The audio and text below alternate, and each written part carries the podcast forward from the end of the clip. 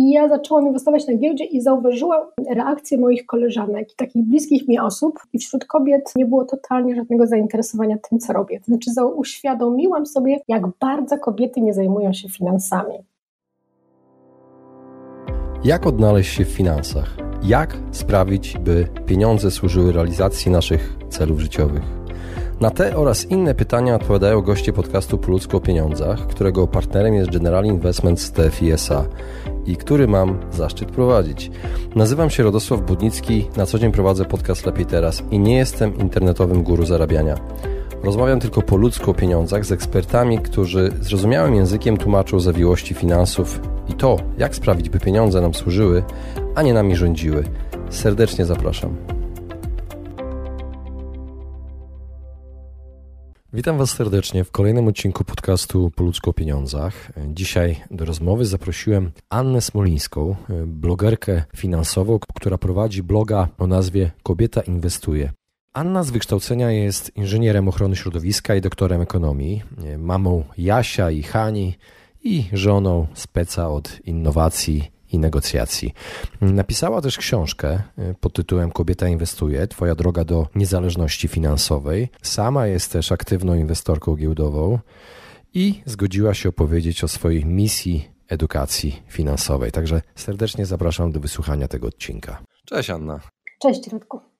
Witam Cię serdecznie w podcaście Po ludzko o pieniądzach. Bardzo dziękuję, że zgodziłaś się wystąpić. Jakbyś mogła na początek y, powiedzieć słuchaczom, Czym zajmujesz się na co dzień zawodowo? Przede wszystkim zajmuję się inwestowaniem. Zaczynałam od inwestowania na giełdzie, teraz inwestujemy też razem z moim mężem od kilku lat e, w nieruchomości, a dodatkowo zajmuję się taką edukacją szeroko pojętą finansową i inwestycyjną, przede wszystkim kobiet, e, aczkolwiek widzę już coraz większe zainteresowanie też wśród e, firm, różnych korporacji i tak dalej, gdzie prowadzę też takie wewnętrzne szkolenia. Także tak ogólnie. A przede wszystkim jestem, jeśli chodzi o edukację, jestem autorką bloga kobietainwestuje.pl.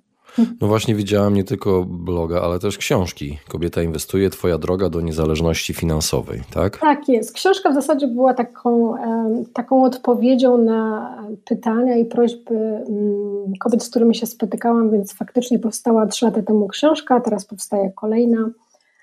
Jakby moje, moje zainteresowania też się poszerzają. Bardzo jestem taka wrażliwa też na, na taką niezależność finansową i zawodową i mentalną kobiet. E, w związku z tym jakby moja kolejna książka też o, no, związana właśnie z tym tematem, z, z, czyli z kobietami w branży finansowej.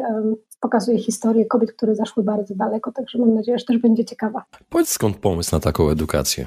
To był zupełny przypadek, ponieważ ja najpierw e, w w czasie mojego kolejnego macierzyńskiego zaczęłam inwestować pod takim trochę naciskiem mojego męża, który widział, jak e, się trochę miotam, bo nasz starszy syn, nasz starszy syn chorował wtedy parę lat na taką ortopedyczną chorobę i wtedy miał mm, taką słabszą fazę, to znaczy miał taką fazę bólową, wiele miesięcy spędził w łóżku i w ogóle. I ja jakby no nie, nie chciałam wrócić do pracy na etat, chciałam być z nim. Ale mój mąż widział, że też e, bardzo się miotam, że chcę jednak już e, trochę coś zacząć robić coś dla siebie i tak mnie trochę namówił do tego inwestowania, mimo że wcześniej żadne z nas nigdy nie inwestowało. I ja zaczęłam inwestować na giełdzie i zauważyłam reakcję moich koleżanek i takich bliskich mi osób i wśród kobiet nie było totalnie żadnego zainteresowania tym, co robię. Znaczy uświadomiłam sobie, jak bardzo kobiety nie zajmują się finansami ani domowymi, e, domowymi to jeszcze tak wiesz, budżetem domowym to tak, ale takimi finansami z myślą o sobie, o swojej przyszłości, o takiej właśnie no, niezależności, o tym, że coś się może wydarzyć przecież za 5 czy za 10 lat. E, faktycznie partnerzy czy ich mężowie bardzo ciekawili się tym, co na tej giełdzie robię i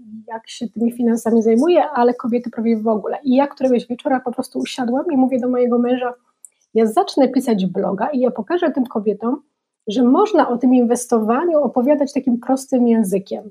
Że ja chcę im o tym mówić, bo ja bym chciała, żeby one też to poznały, żeby zaczęły jakby zajmować się, jakby dbać o swoje finanse. Nie zajmować, dbać po prostu o swoje finanse, bo uważam, że to jest jakby część naszego życia. Nie, nie, nikt od tego nie ucieknie.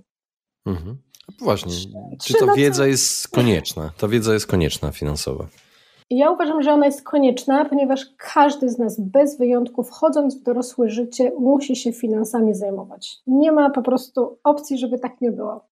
I bardzo ubolewam nad tym, żeby, że w szkole się e, o finansach nie uczy. Uważam, że bardzo brakuje. Ja uważam, że brakuje w szkole właśnie wiedzy o finansach i wiedzę o takich emocjach, psychologii i tak dalej. Uważam, że to są dwa takie przedmioty, których uważam, no, które moim zdaniem kuleją u większości z nas potem w dorosłym życiu, ponieważ nic o nich nie wiemy. Mhm. Powiedz w takim razie, skąd taką wiedzę czerpać najlepiej? Ja uważam, że teraz wiedza jest naprawdę e, w zasięgu e, rąk każdego z nas, oczu i uszu. Mamy, no właśnie, Twoje podcasty na przykład. Mnóstwo jest podcastów e, związanych z finansami, z inwestowaniem. Są filmy na YouTubie, które no, na tacy pokazują nam krok po kroku, jak to robić. No, blogi. Chyba, chyba nie radziłabym zaczynać od jakichś takich książek typowo inwestycyjnych, bo mnie one na początku zradziły, mimo że ja mam doktorat z ekonomii to wydawało mi się, że czytając niektóre książki, że, że czytam dosłownie po chińsku. E, dlatego zaczęłabym chyba od znalezienia sobie jakiejś takiej osoby, która po prostu do nas dociera i która mówi takim językiem, który nam odpowiada i który po prostu rozumiemy. Także ja uważam, że tej wiedzy teraz no, w większości tematów jest po prostu wokół mnóstwo. Więc to, co ja zawsze radzę, to jest po prostu na początek otoczyć się dosłownie tą wiedzą i no, słuchać mimochodem jakichś, jakichś, jakichś tekstów. E, mimo, że na początku wydaje nam się, że nic nie rozumiemy, to jest tak jak z nauką języka, po jakimś czasie nagle się okazuje, ojej, wiem o co chodzi i, e, i zaczynam e, rozumieć jakby tworzenie tych procesów, także otoczyć się wiedzą zwyczajnie. Mhm. Krok po kroku, tak, y, po prostu coraz więcej, coraz więcej. Ja ma, podobnie Dokładnie. mam teraz z robieniem wideo. Na początku czarna magia, teraz coraz więcej rzeczy rozumiem, bo Dokładnie oglądam na stop tak. i słucham na ten temat. Dokładnie tak, to, to dokładnie no do... tak działa. No właśnie, ale widzisz, tego mówisz, że jest tego sporo. Mhm. Ale jak odróżnić te dobre rady od tych, wiesz, y, rad y, w miesiąc zostaniesz miliarderem, nie? No i to jest właśnie najtrudniejsze, tak? To znaczy, ja uważam, że takiego złotego grala nikt nigdy nie wynalazł do tej pory, jeśli chodzi właśnie o finanse i inwestowanie. Ja bardzo dużo dostaję właśnie takich wiadomości, ach, że mam trudną sytuację życiową na przykład i w ogóle udało mi się zbierać 5 tysięcy, no i skąd, gdzie ja teraz to mogę zainwestować, żeby nagle dokładnie tak jak powiedziałeś, trzy dni stać się milionerem. Takich, e, takich cudów nie ma, moim zdaniem. Ja jestem zdecydowanie zwolenniczką e, takiego właśnie podejścia krok po kroku, e, spokojnego inwestowania w wartość. Nie jestem zwolenniczką, też to robię oczywiście, mam na to określony kapitał, ale nie jestem zwolenniczką jakby regularnej spekulacji. Więc jak odróżnić? No, no właśnie posłuchać, czy to dociera do mnie i czy to ma sens, czy nie.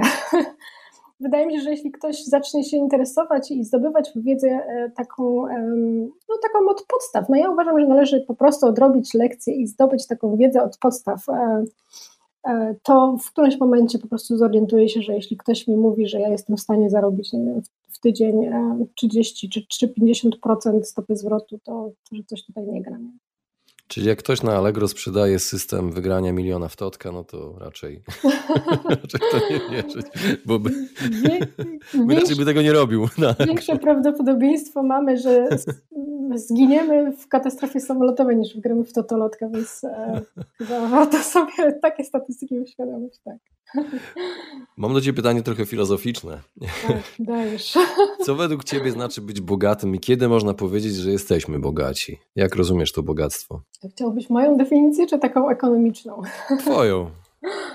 Bo ekonomiści mówią, że no, nawet gusto ogłasza, nie? Że, że człowiek bogaty to jest taki, który zarabia powyżej chyba 20 tysięcy miesięcznie, a zamożny to jest taki, który tam 7 tysięcy brutto chyba zarabia. Um, trzeba pamiętać to, że czym innym jest kto ile zarabia, a czym innym stok ile ktoś ma. Czyli o, w ekonomii mówimy o czymś takim jak um, wartość majątku netto i ona pokazuje dosłownie jaka jest wartość naszego majątku, na co się nasz majątek składa i ile odejmując oczywiście kredyty, wszelkie zadłużenia, ile de facto mamy. Bo moim zdaniem nie ma takich pieniędzy, których nie da się wydać. Znam ludzi, którzy zarabiają po 40 tysięcy, a de facto nie mają nic, bo wszystko mają no, no właśnie. i tak mhm. dalej. Także uważam, że jakby określanie poziomu bogactwa przez um, zarabianie, przez dochód um, nie jest dobrą definicją. Ale dla mnie chyba taką definicją, wiesz, z perspektywy właśnie o wieloletniej choroby dziecka i przy różnych innych sytuacjach, które przeżyłam, to chyba dla mnie taki stan, kiedy czuję się bogata, to jest taki, kiedy po prostu na wszystko mi wystarcza, um, czuję spokój i wszyscy wokół są po prostu zdrowi. Może to nie jest jakaś popularna definicja, ale ja uważam, że jeśli jesteśmy zdrowi i tacy pogodzeni ze sobą wewnętrznie i jakby mamy poukładany nasz świat, to pieniądze po prostu możemy zarobić. I tyle. Mhm. A yy, na pewno, na pewno wiesz, że na nasze finanse, yy, na stan naszych finansów wpływają nasze przekonania finansowe. Mm. Skąd się biorą te przekonania? Jak je no. można zmienić? Czy je można zmienić w ogóle? No to jest świetne pytanie, bo ja uważam, że od tych przekonań to się zaczyna wszystko dosłownie, bo my właśnie w nasze dorosłe życie wchodzimy z jakimiś przekonaniami i nawykami, ale też jakby z rzeczami, które nabyliśmy z obserwacji naszego otoczenia, naszych rodziców. I e, faktycznie robię takie ćwiczenia nawet związane z przekonaniami, których sobie których my sobie de facto często nie uświadamiamy. To one są gdzieś na takim podświadomym u nas e, poziomie że kiedy pytam kogoś, co myśli na przykład na temat pieniędzy i w ogóle to wszyscy tak z uśmiechem na przykład odpowiadają, wiesz, z przekąsem, ale to jest pierwsza rzecz, która im przychodzi do głowy, no, że pieniądze na przykład e, szczęścia nie dają albo tego typu różne, różne rzeczy. I tak sobie powtarzamy je totalnie mimochodem i w ogóle wydaje nam się, że nie, no przecież ja nie wierzę, że pierwszy milion trzeba ukraść, a że kto jest bogaty to jest na przykład, nie wiem, złodziejem albo kłamcą, albo, albo złym człowiekiem. Nieuczciwym, albo złym człowiekiem, tak.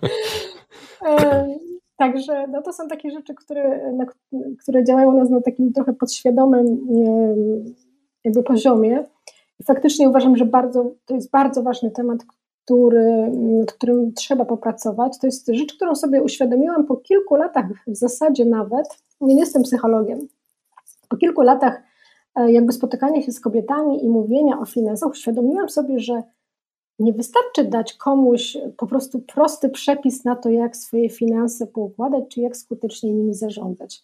Bo to przez chwilę działa, a potem zawsze gdzieś coś się po kolei wysypie. Także jest kilka takich elementów, które do takiego e, no, przepisu na poukładanie finansów trzeba da, za, dodać, jak właśnie między innymi um, to, to, to, to, ta praca z przekonaniami. Uważam, że to jest bardzo ważna praca na początku, kiedy chcemy tak na serio podejść do swoich finansów. Mhm. A teraz mam pytanie dotyczące tego, czy warto z tymi finansami naszymi żyć tak po prostu z dnia na dzień, czy stawiać sobie jakieś cele finansowe? Czy to jest y, ważne? No to jest kolejny element, który właśnie ja uświadomiłam sobie po kilku latach mm, tej pracy z finansami że to jest kolejny element do tego, żeby to, to, to zarządzanie finansami było skuteczne. Ponieważ zauważyłam, że stawianie sobie celów finansowych to jest ogromnie ważne i zaraz do tego przejdę, ale to stawianie sobie celów finansowych samo nie wystarczy, ponieważ zauważyłam, e, nie wiem, czy, tak, czy to też jakby wynika z jakichś większych analiz, bo nigdy tego nie, nie sprawdzałam jakoś tak, znaczy nie, nie spotkałam takich książek też na ten temat za bardzo. Zauważyłam, że bardzo dużo ludzi po prostu nie wie, czego w życiu zwyczajnie chce. My się nie, nie zatrzymujemy jakoś w tym pędzie zbyt często, nie zastanawiamy się, co ja bym chciała w zasadzie za 5 czy za 10 lat robić, gdzie ja bym chciała być, jakie są moje marzenia, jakie są moje jakby takie skryte pragnienia, e, czego ja w zasadzie od tego życia chcę. No mam jedno życie, a tak pędzę po prostu ciurkiem i, i się nie zatrzymuję. Wydaje mi się, że zanim ustalimy takie cele finansowe, to warto właśnie się zatrzymać i zastanowić, czego ja w zasadzie w życiu chcę. Bo nie każdy chce być milionerem i nie każdy chce robić nie wiadomo co w życiu, nie każdy potrzebuje na Malediwy co roku i tak dalej, i tak dalej. A to są na przykład nasze cele finansowe, tak? Potrzebuję, chcę, chciałabym pojechać na, na Malediwy, potrzebuję na to tyle i tyle pieniędzy, skąd ja mogę to wziąć, w jakim czasie i tak dalej, i tak dalej ale nie każdy tego potrzebuje. Więc chyba zaczęłabym od tego, żeby się zastanowić, czego ja w zasadzie od mojego życia oczekuję i jak chciałabym, żeby wyglądało. I to jest taki punkt wyjścia, od którego ja zawsze um, wychodzę. I chyba trzeba coś takiego robić, wydaje mi się, regularnie w życiu, no, bo, bo my się zmieniamy, nasz, nasze życie się zmienia i za dwa lata być może już nie będę chciała tego, co dwa lata temu chciałam. I, I wtedy dopiero ustalamy nasze cele finansowe, bo wtedy ja już wiem, czego ja chcę i wiem, e, co sprawiłoby mi przyjemność, bo chyba to jest najważniejsze, wydaje mi się, w życiu, to, żeby być po prostu szczęśliwym. Mhm. Jak ja już wiem, co mnie uszczęśliwia, no to, to to już jest kolejny etap do tego, żeby właśnie te cele sobie poukładać. Czyli autorefleksja. Tak, ponieważ wiesz co, żeby być skutecznym w realizowaniu tych celów, czy, czy celi, to e, potrzebna jest motywacja. Żeby mieć motywację, to właśnie to, to, to wyjście od moich pragnień i, i, potrzeb jest chyba takim kluczowym. Mhm.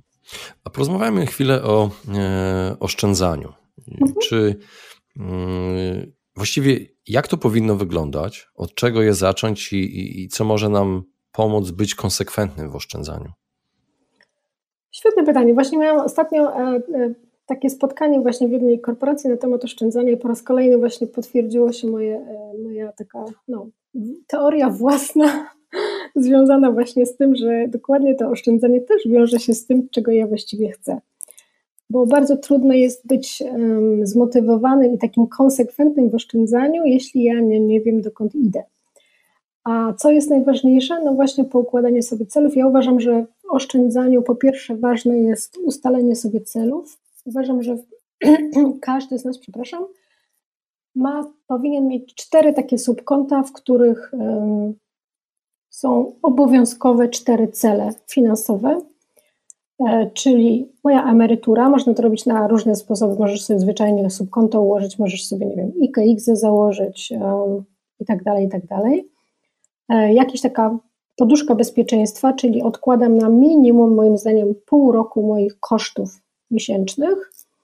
E, taki fundusz awaryjny, jakiś tam, nie wiem, 5 tysięcy, 7 tysięcy, że nie wiem, samochód mi się zepsuje, pralka, mhm. zmywarka. Ale mówisz o lokatach? Y, nie, ja mówię na razie o takiej, że zwyczajnie, jak już nie potrzebujesz czegokolwiek robić, załóż sobie subkonta po prostu na swoim subkonta, koncie. Okay. Tak, mhm. tak.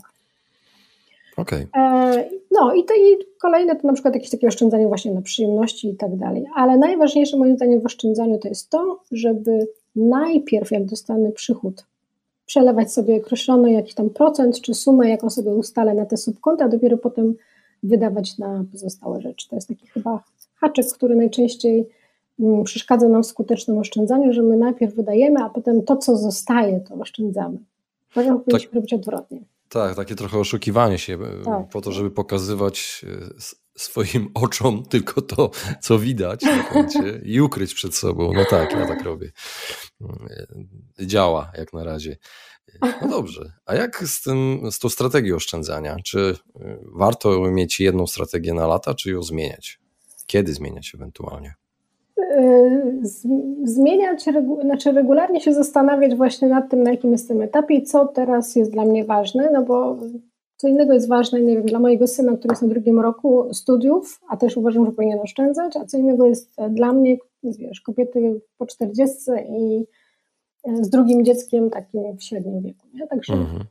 no tak. E, raczej bym te cele korygowała co jakiś czas, może częściej niż co 20 lat. um, a no, no także zdecydowanie bym się co jakiś czas nad nimi zastanowiła i korygowała. Ale... No tak, życie się zmienia. Są też kryzysy tak. życiowe. Można stracić pracę. Jak hmm. wtedy podejść do takiego oszczędzania?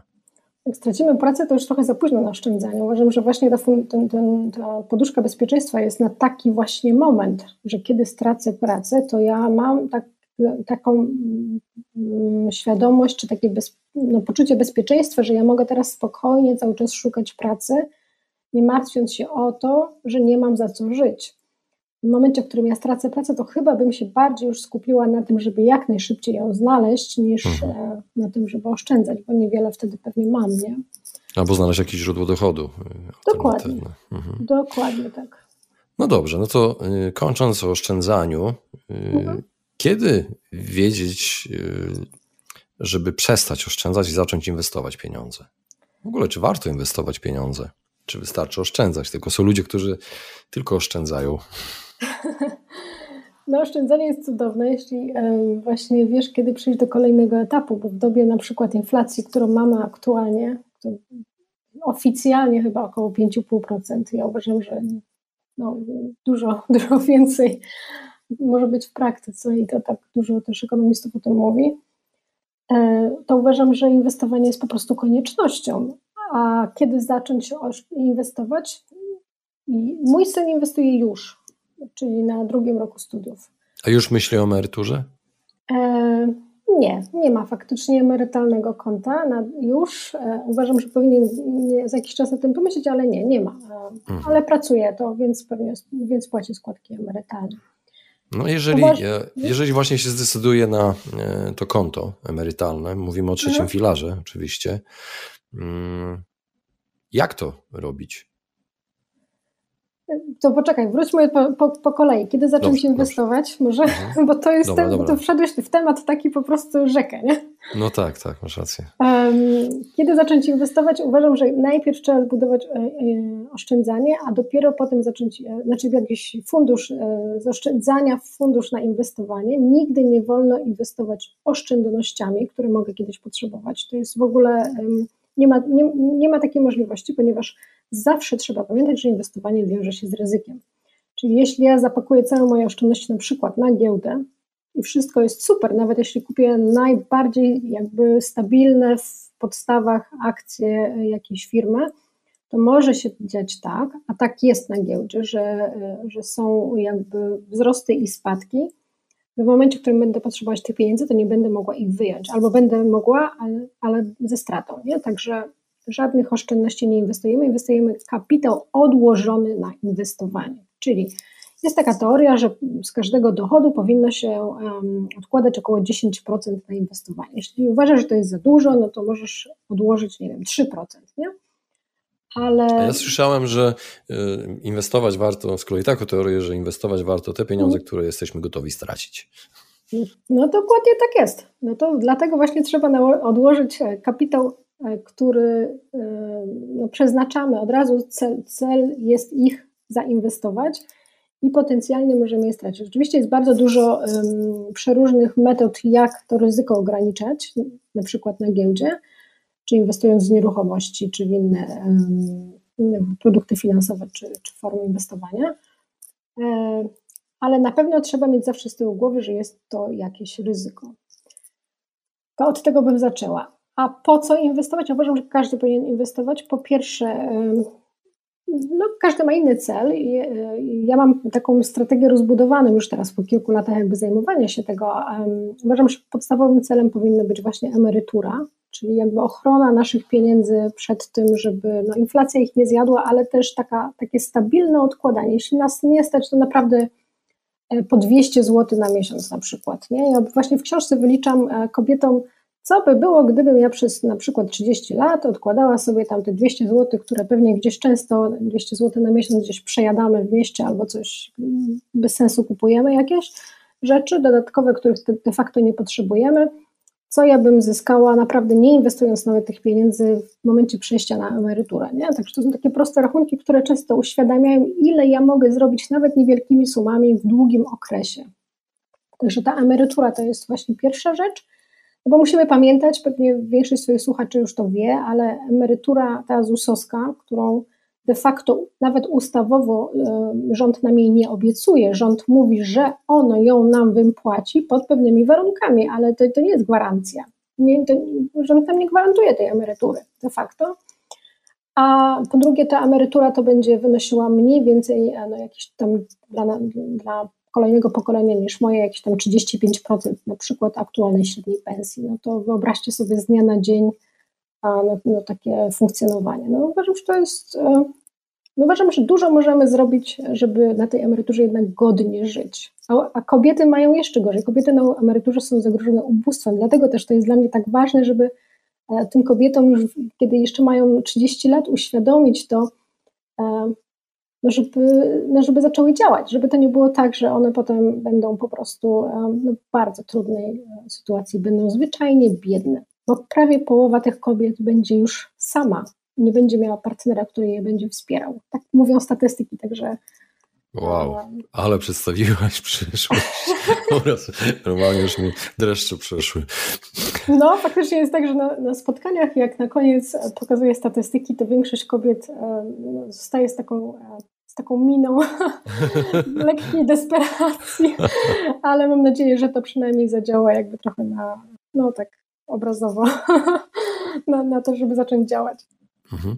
Aniu, powoli zbliżamy się do końca. Na koniec mam jeszcze pytanie, czy tę wiedzę, którą przekazujesz, sprawdziłaś sama na sobie? E, no u mnie zaczęło się właśnie od inwestowania, dopiero potem zaczęłam o tym mówić, także u mnie nie, jest tak, że ja zaczęłam ją sprawdzać najpierw na sobie, a dopiero potem zaczęłam, e, zaczęłam pokazywać, jak ja żyję. Znaczy, ja mam poczucie bezpieczeństwa finansowego aktualnie, po tych kilku latach inwestowania i zajmowania się finansami.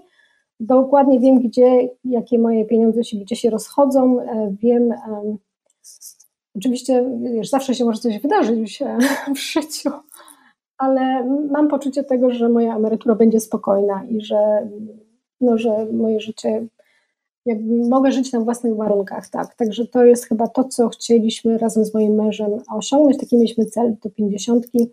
W zasadzie zbudować sobie taką w miarę dużą niezależność finansową, żeby no, mieć to poczucie takiego, takiej wolności po prostu bo to, to chyba jest najważniejsze w życiu, nie? że po pierwsze żyjesz na własnych zasadach, po drugie spełniasz, no, mamy jedno życie, spełniasz swoje marzenia, chcesz być szczęśliwy, um, a pieniądze są ci po prostu zwyczajnie do wszystkiego potrzebne, do wszystkiego praktycznie, tak jak w piramidę Maslowa widzisz od podstaw, od, od wiesz, od jedzenia, od, um, od, um, od dachu nad głową po dosłownie rozwój osobisty, do wszystkiego potrzebujesz pieniądze. Nie? Dokładnie. No I ostatnie pytanie na koniec. Jaką radę byś dała jedną rodzicom y, dotyczącą edukacji finansowej? A, rodzicom? Tak, jako mama. Ja uważam, że najważniejsza zasada w, w edukacji finansowej, którą ja się nie zajmuję, e, bo ja uważam, że najważniejsze to zacząć od siebie.